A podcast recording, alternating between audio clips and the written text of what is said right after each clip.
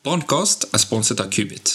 Kubit Brann er løsningen som alle forebyggende avdelinger i Norge fortjener. Automatisert, rask, Tilda-integrert, og ikke minst ser det kjempefett ut. Sjekk kubit.no for mer informasjon og book en demo.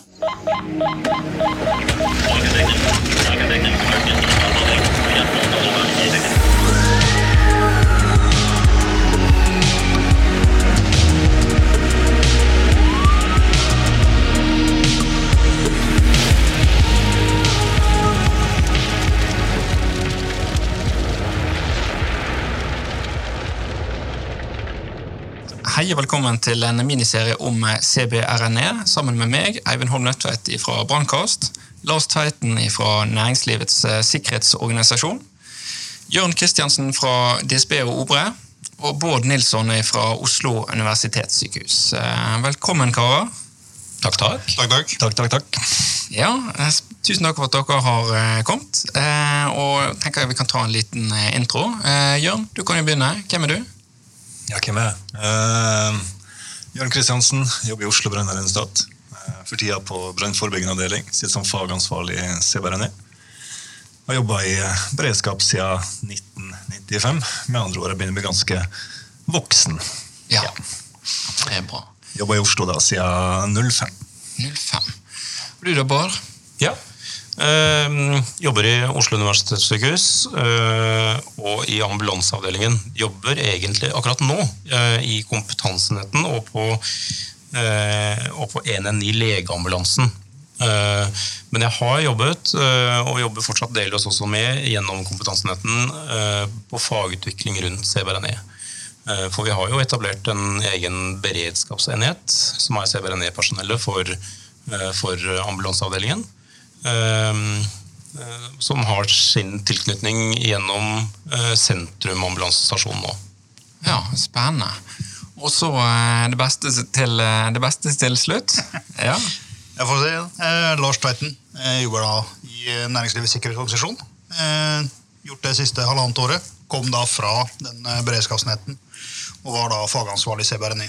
Så litt å jobbe med det fagfeltet her i industrien og NSO. Skal prøve å fortsette å videreutvikle. Så får vi se. Nå er jo podkasten en veldig fin eh, samlingspunkt. Så får vi se hva som skjer videre. Ja, vi får se hva som skjer videre. Eh, og dette her virker jo som en grei gruppe til å ja, prate om dette her, da. Eh, så ja eh, Hva stoff er det som fascinerer dere mest, egentlig? Tja det er jo så mangt. Men uh, personlig så uh, fascinerer egentlig radiologiske stoffer meg mest. Og det er mest av alt pga. at det, det, ja, det ligger såpass mye frykt bak temaet og uh, usikkerhet i forhold til håndtering. Og så er det kanskje ikke så veldig vanskelig likevel. Men derfor fascinerer det meg i forhold til det å kunne dele og spre kompetanse på håndtering spesielt. Det tror jeg er lurt. Ehm, hva med dere, da?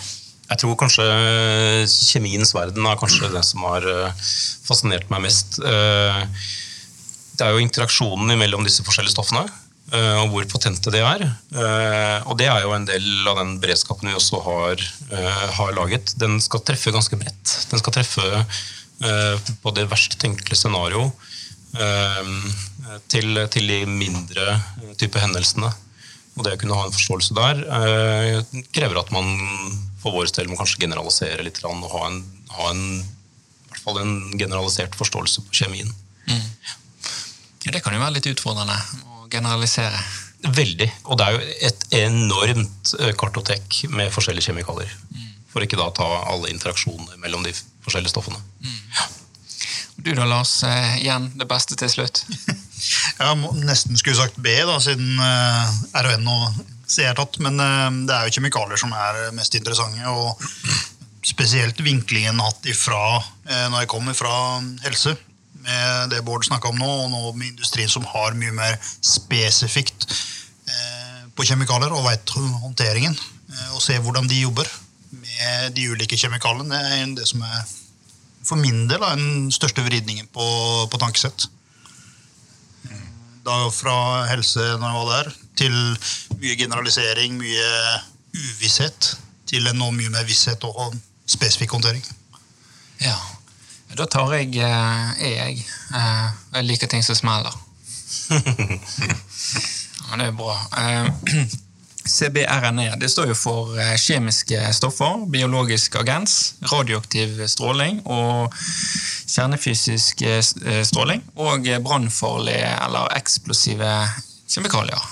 Eh, Dette virker jo ganske så komplisert og ganske omfattende, og det er litt derfor jeg ønsker å lage en episode eller en serie om dette. Sånn at det blir litt lettere å forstå og der, eh, derav håndtere dette. Men eh, først så tenker vi trenger en liten eh, begrepsavklaring her. Eh, for det er veldig mye faguttrykk. Det er veldig, veldig mye faguttrykk. Så jeg tenker vi kan begynne litt på, på det. Og hvis vi skulle forklart det her med warm, hot og cold. Vær så god. Kan dere det? Ja da, vi mener jo at vi kan det. Og begrepene med hot, warm og cold sånn er jo på mange måter fortsatt kanskje ganske nytt for enkelte. Eh, det er jo ikke nytt, for vi har holdt på med det i ganske mange år. Tidligere så heter det jo det indre og ytre avsperring for eh, Brann sin del. Da var på en måte ytre avsperring det var mot publikum, og indre avsperring var der vi kunne jobbe. Da med riktig vernebekledning. Og så har jo på en måte bare definisjonene blitt henta, for det her er jo på mange måter internasjonale begrep. Når de først ble presentert, så ville vi gjerne ha noen norske ord. Det prøvde vi oss på, men så fant vi ut at vi kanskje bare skal holde oss til hot, warm og cold. Og det her går jo igjen blant annet da i den nasjonale PRIVO-prosedyren, sånn at det er forankra blant nødetatene i forskjellige ledd. Og sånn rett og slett definisjonen av det, så er jo på en måte hotzone det sentrale skadestedet. Det vil jo ikke være et statisk skadested på noen måter. Det vil jo være veldig dynamisk. Det vil jo endre seg ut ifra både utslipp, enten det er gass eller væske, eller omfang på selve hendelsen.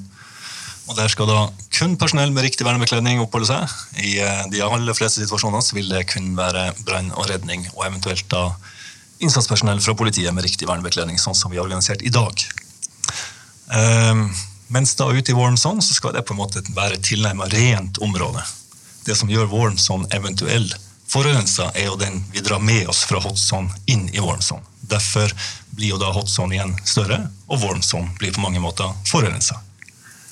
Og så har du da på en måte Kolsam, som er ytre avsperring, der vi da kan både plassere ambulanser, politibiler, brannbiler og personell uten tilstrekkelig vernebekledning for å kunne gå i et forurenset miljø. Og dette her med sikkerhetsavstand, da. Ja, skal jeg, eh, For industrien sin del, jo, skal jeg jo snakke det, det talerøret, så er det jo ofte definert, fordi vi vet hvilket stoff de har, og kan være en god kilde til eh, informasjon. Og sikkerhetsavstand til eh, lekkasje fra eventuelt tank, eller eh, det de har av kjemikalier på, eh, på objektet sitt. Eh, og Det er jo mye mer spesifikt enn eventuelt når eh, brann kommer på en uavklart eller helst kommer på en uavklart hendelse. eh, Der du må først finne ut hva som har lekket ut. Hvordan er det for helse og brann, da? For helse så er det sånn at vi, eh, vi definerer vel en minimumsavstand på 50 meter.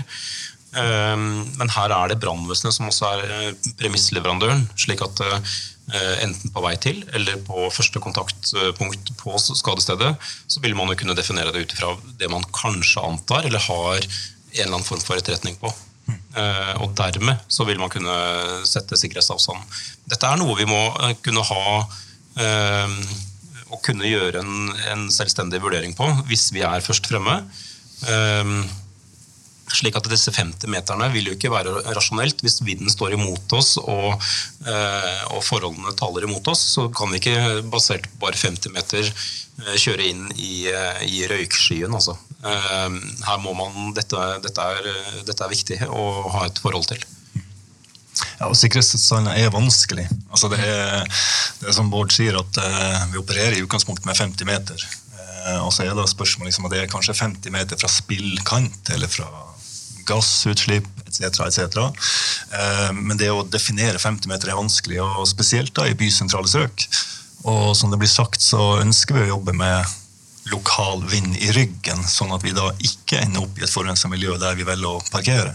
Men så må vi også ha i bakhodet at uh, i bysentrale strøk så vil det ikke være en styrt vindretning. Det vil bli veldig mye turbulens. Så vinden gjerne drar den ene veien i ene gata og motsatt vei i neste gate. Så den vil ikke være en styrt vindretning. Så det vi sier i bysentrale strøk, så må vi tenke et sirkulært skadested. Da er det på en måte ikke en 60 graders kon, sånn som Brønna redning har jobba i alle år, men kanskje heller da 360, som vi tenker da at du har en evakueringsakse i, i rund baut. Uh, her finnes det jo masse flotte verktøy, om det heter spredningsmodelleringsverktøy, om det heter diverse. Det finnes apper, det finnes egne verktøy som er utvikla for bysentrale strøk. De kan brukes. Noen uh, eh, 1.0-sentraler har det. Um, sånn som det har vært i dag, og sånn som det fortsatt er veldig mange plasser, så er jo da helse er jo da lar brann være premissgivere. Der den store røde bilen står, der er det trygt å stoppe. Så det ligger et ganske stort ansvar på brann og redning i forhold til det at de faktisk setter de sikkerhetsavstandene riktig fra første stund. For har vi kjørt for tett på, så er det vanskelig å reversere det. Da ønsker vi heller å stoppe på litt større avstand, for så å nærme oss skadested. Men det er ikke bare 50, det er vel 50 100 300 000? Er det også det vi opererer med? Også? Ja, det er jo ut ifra den informasjonen vi får på vei ut. Ofte så kan jo informasjon bare være så dårlig som at det er mistenkelig lukt. Mm. Um, da velger vi jo kanskje ikke å stoppe på 1000 meter, og 1000 meter er ganske mye i Oslo sentrum. Mm. Da, da, når vi nesten ikke objektet. Så vi må på mange måter tenke det at uavhengig 1000 meter så kan du bruke objektene rundt det som sikring. Hvis du da vet at det er en eh, brann- og eksplosjonsfarlig gass, f.eks. sånn som acetylen, så, så, kan du på mange måter eh, sette ko i eh, motsatt ende av objektet og bruke byggene rundt som en, par, en, en sikring.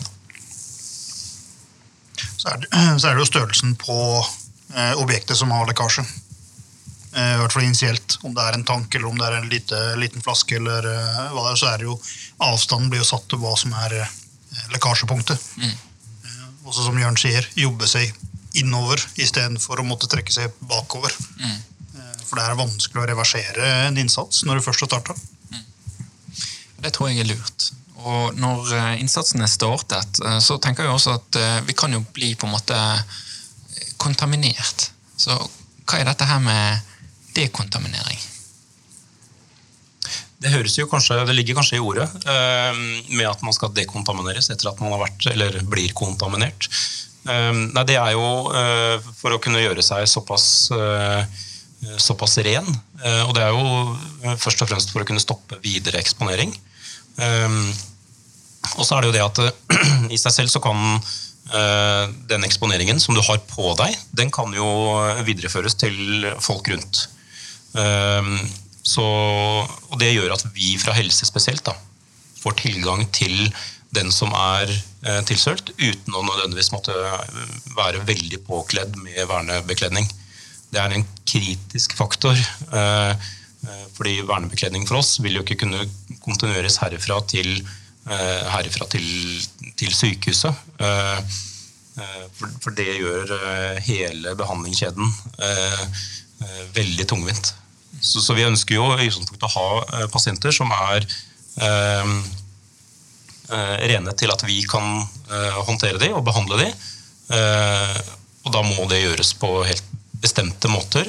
Eh, I det så ligger det faktisk en aksept på at, at vi kan si at dette er godt nok.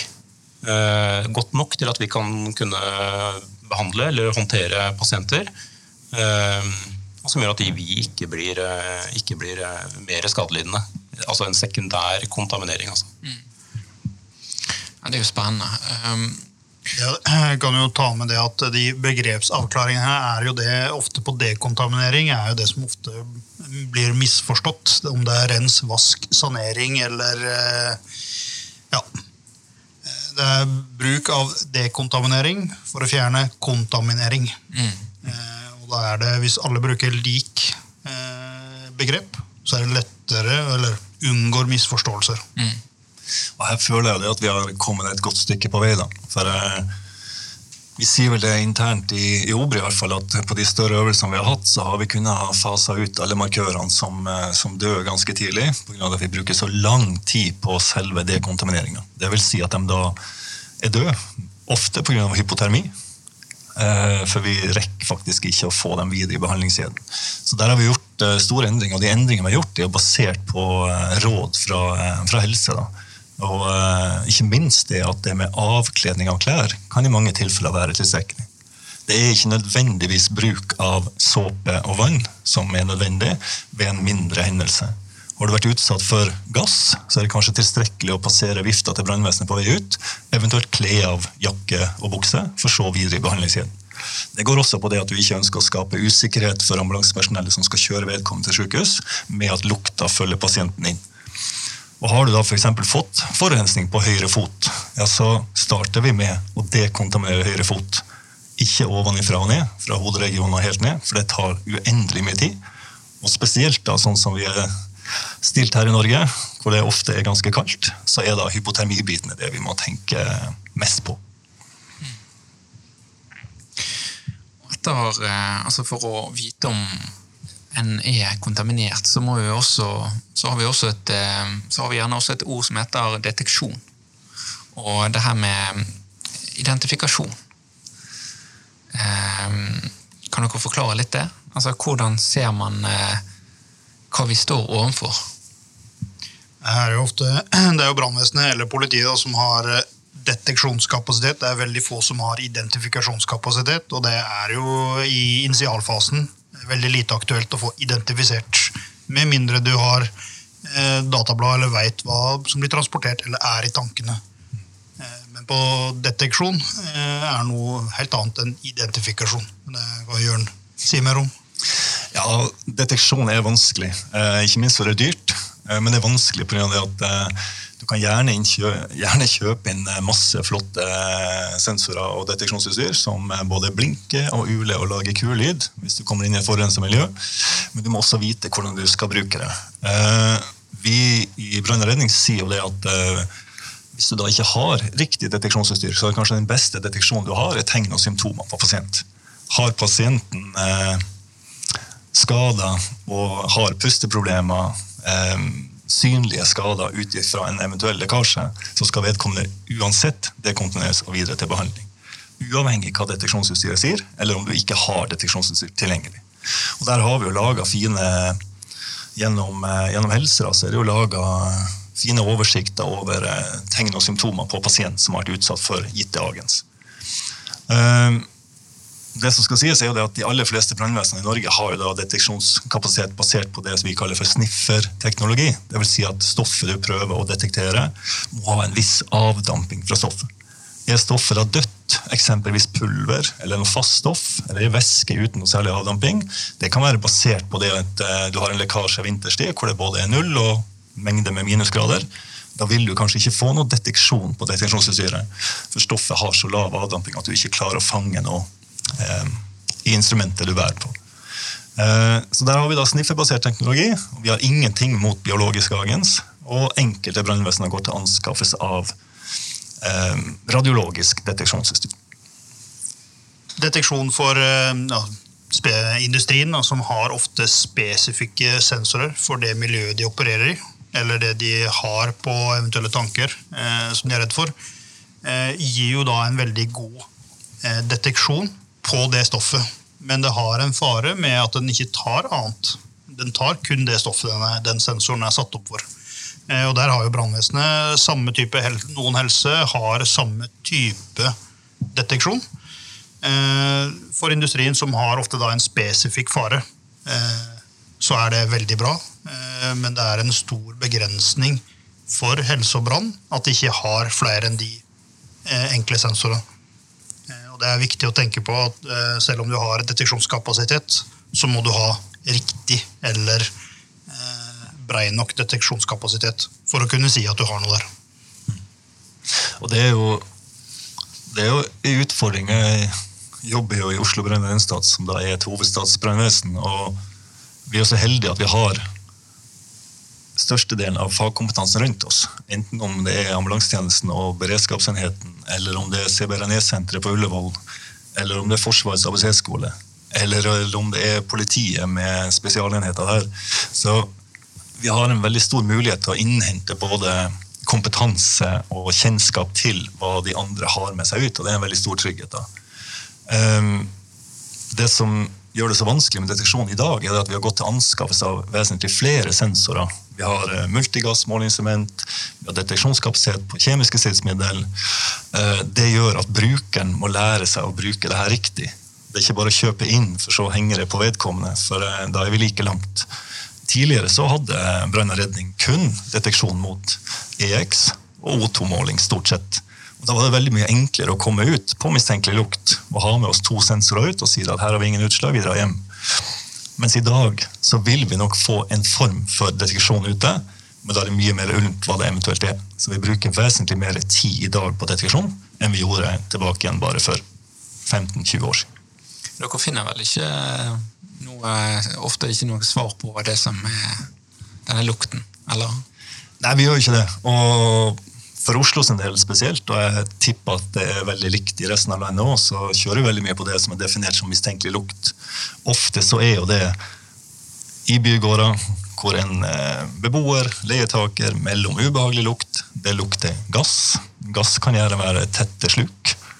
Det kan komme fra avfallet, det kan komme fra mange forskjellige plasser, søppelrom etc. Eller bare rett og slett at det er naboen oppe som driver renovering av egen leilighet, og som har helt uh, white sprit i toalett eller utslagsvask. Så uh, ofte så ender vi opp der. Men, uh, men det er ganske tidkrevende. da, For vi har mulighet for å prøve å detektere men da må vi jo igjen se på det miljøet vi kommer i. Hvis da naboen står eh, oppreist og bare mellom ubehagelig lukt, så kler ikke vi på oss fullstendig åndesvern. Da bruker vi også nesen sjøl for å sniffe oss fram. Men hvis det er sånn at de har evakuert og vi ikke møter noen, så er det fullstendig åndesvern og inn og utføre deteksjon. Jeg har jo opplevd å rykke ut på råtne egg, jeg. ja. Så eh, det kan være så mye. Det er vanskelig, det der. Eh, men etter deteksjon så, så, så, så, kan jo vi fort være Eller noen kan være eksponert. Hvordan er det her med pusteluft og beskyttelse? Altså, det kan jo være en sånn frykt for innsats eh, når du ikke vet hva det er.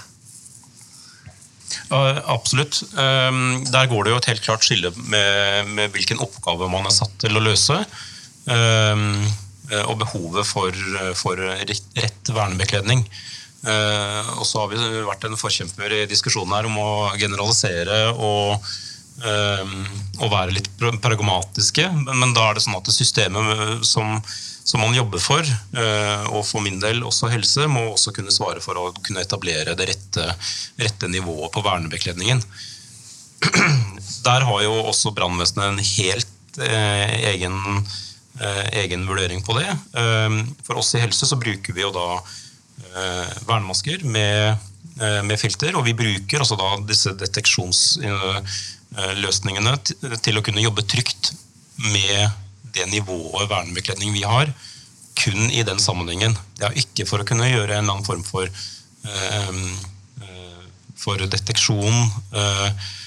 fordi det rett og slett krever en viss atmosfære eller en viss type, type miljø for å kunne jobbe med, med vernemaske med filter. F.eks.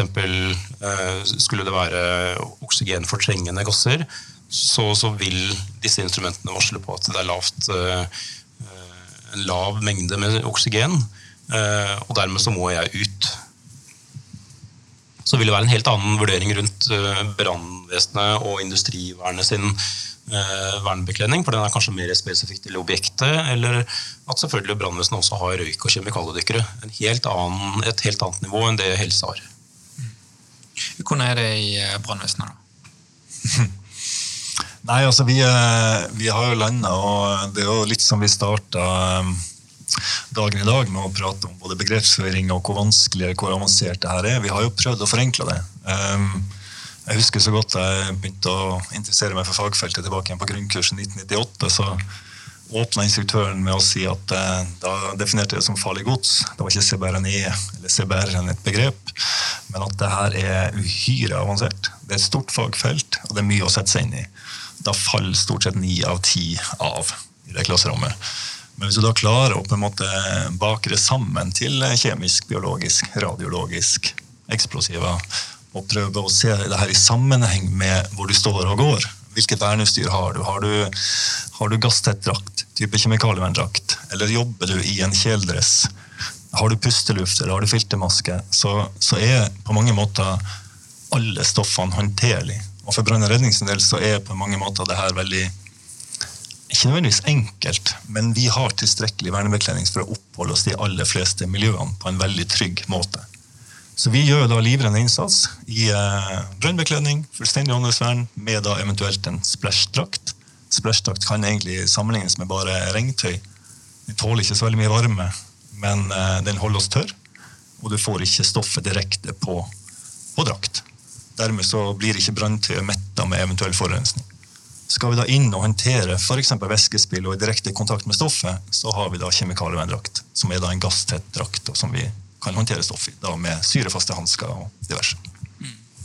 Det er veldig mye det samme i industrien, eh, eller? Ja, det er jo de som har de ulike risikoene, og har det hovedsakelig da i Det er jo en todelt. Det er jo veldig mye dette som er arbeidsoperasjoner i industrien, der de har spesifikt utstyr, og så har de industrivern som da skal håndtere eh, hendelser. Eh, og de har jo veldig variert med utstyr ut ifra hvilken risiko de har. Men en ting som jeg kanskje skal presisere veldig, er jo det skillet mellom eh, altså tette lekkasje og det som er livreddende innsats. Eh, og det er jo det vi snakka om i mange år. Eh, det med å definere livreddende innsats, og der er du såpass godt beskytta med eh, komplett åndedrettsvern og brannbekledning at de fleste stoffer, om ikke alle, eh, kan håndteres i livreddende fase med den bekledningen. Så kommer jo alt annet med å stoppe lekkasje eller videre arbeid. Mm. Men litt av formålet er jo redde liv. Ja. Eller mesteparten av formålet er å redde liv. Ja, ja, ja. Men du nevnte jo dette her, Jørn, eh, da du begynte. Men hvordan var det egentlig før? Altså, hvordan var historien? Altså, dere stoppet jo tidligere på, på 300 meter. Eh, altså, hvordan var handlingsmønsteret på disse hendelsene før? Ja, det er jo, eh, I dag er det jo lett å si at vi eh, gjorde mye feil, men sånn var det jo ikke. Vi gjorde nok mye rett da òg, men det vi har endra på, i hvert fall fra, fra jeg begynte å jobbe med fagfeltet, er jo på mange måter det at eh, ja, I starten da så var det at når du da kjører ut på en eh, CBRNE-hendelse, så skal du stoppe på god avstand, fram med kikkert, for å kunne identifisere stoffet på avstand. Det gjorde vi da med f.eks. hvis det da fantes et oransje skilt, da gjerne med et UN-nummer et farenummer. Eh, kunne vi identifisere med bruk av oppslagsverk eh, hvilket skadepotensial stoffet hadde. Enten da om det var et etsende væske, eller om det var brennbar væske, eller om det var giftgass, eller uansett. Eh, I forhold til det så stoppa vi på god avstand, og så skulle vi da få en oversikt over hvilket stoff vi hadde med å gjøre.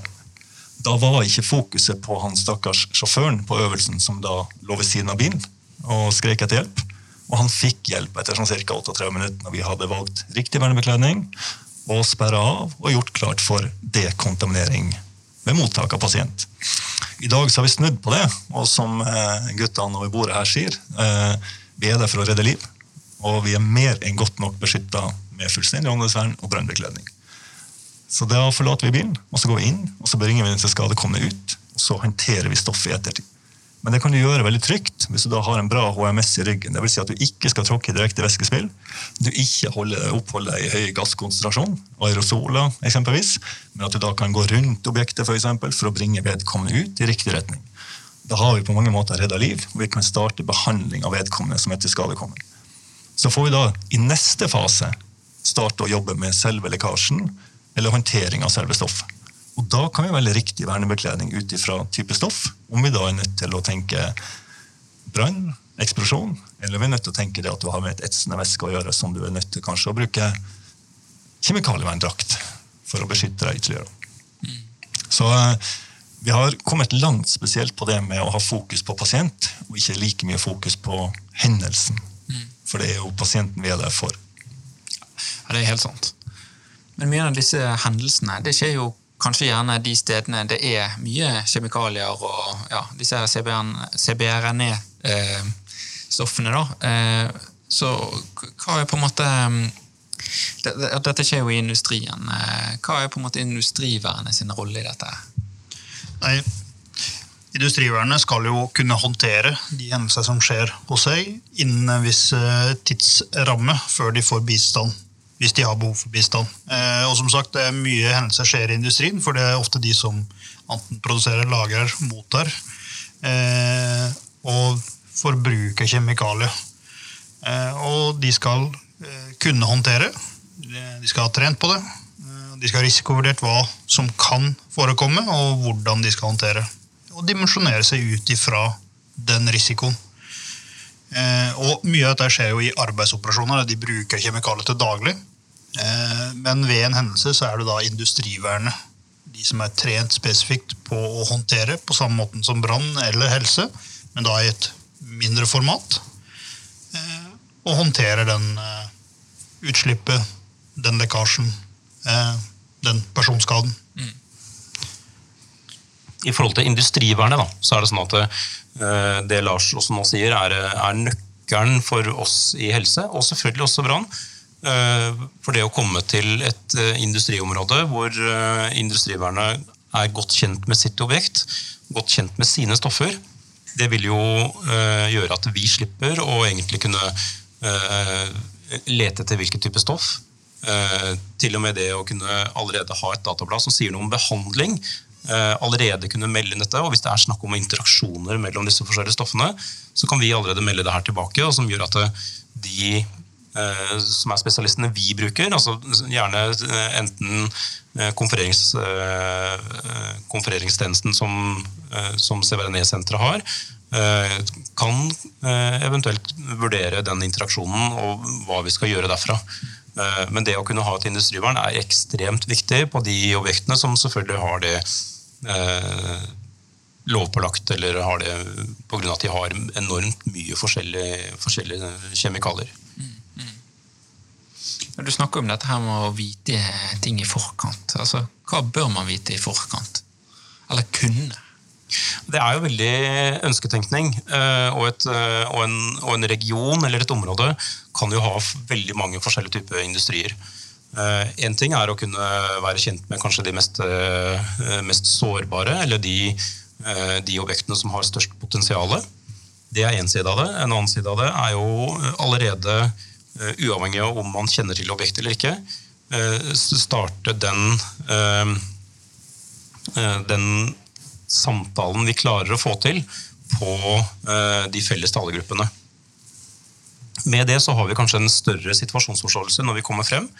Eh, Vi har kanskje på bakgrunn av forskjellige nødmeldesentraler så har vi kanskje eh, hatt en, en, en differanse på selve innmeldingen, eh, og allerede derfra også en forståelse på enten hva som har skjedd, og potensialet, og allerede kanskje til og med også på eh, dimensjoneringen på hendelsen. Eh, Hvis vi allerede har en dialog på de felles tallgruppene, så, eh, så vil det gjøre at situasjonsforståelsen er lik. Eh, Så når vi kommer frem, så kan man jo bare fortsette, fortsette diskusjonen, men å gjøre de, eh, gjøre de viktigste beslutningene allerede før vi kommer frem. Og da går det jo helst også da selvfølgelig på et oppmøtebasert, eh, eller oppmøtested, eh, slik at det allerede er gjort, en vurdering på sikkerhetsavstand. Da. Der har du jo da fagleder industrivern, som skal være den på virksomheten som har kontroll, eller som har eh, kompetansen på hva som eh, er på objektet. eh, Hvordan det skal håndteres, og bistå da brann og redning og helse med informasjon. En slags kjentmann? Ja, en kjentmann og en fag, fagmann. Og det er ikke sånn når, når nødetatene kommer, så slipper industrivernet alt og avslutter. Dette er jo da en samhandling. Eh, Men det kan være at de er, eh, ikke har den type utstyr, at det er brann og redning som må ta det. Men de da kan bistå både med kompetanse og, og hvordan de skal håndtere stoffet. Vise hvor det er best å komme til eh, hvor de skal eller ikke skal gå. Hva som er viktig eller ikke viktig på virksomheten. Hvor fokuset skal ligge. Da. Foruten livreddende. Så når man kommer til eh, skadestedet, så kan det være litt eh, Folk kan jo begynne å få symptomer. Altså, du kan begynne å se, se at folk får ting. Altså, hvordan er det med det, egentlig? Absolutt, det eh, har vi jo opplevd flere ganger. Og, der er det jo to måter å se det på. Vi vurderer jo dette, dette fortløpende. Det er vel kanskje noe av det vanskeligste vi gjør. Det å kunne vurdere symptomatikk med våre helseøyne. Det å kunne vurdere hva som er reelt. Og med det så ligger det eh, en erkjennelse på at folk allikevel kan føle seg dårlige, men sett i sammenheng med hva vi mistenker stoffet eller agenset er, så er det ikke gitt at, de, at det er samsvar. Mm. Og da sett opp imot biologiske agens, det å kunne bli akutt dårlig av biologisk agens, er veldig, veldig sære tilfeller. Og oftest så er det ikke knytta sammen til, til, hendelsen. Så da kan man si at det er en, en reaksjon som ikke nødvendigvis eh, henger, henger i sammenheng med. Mm.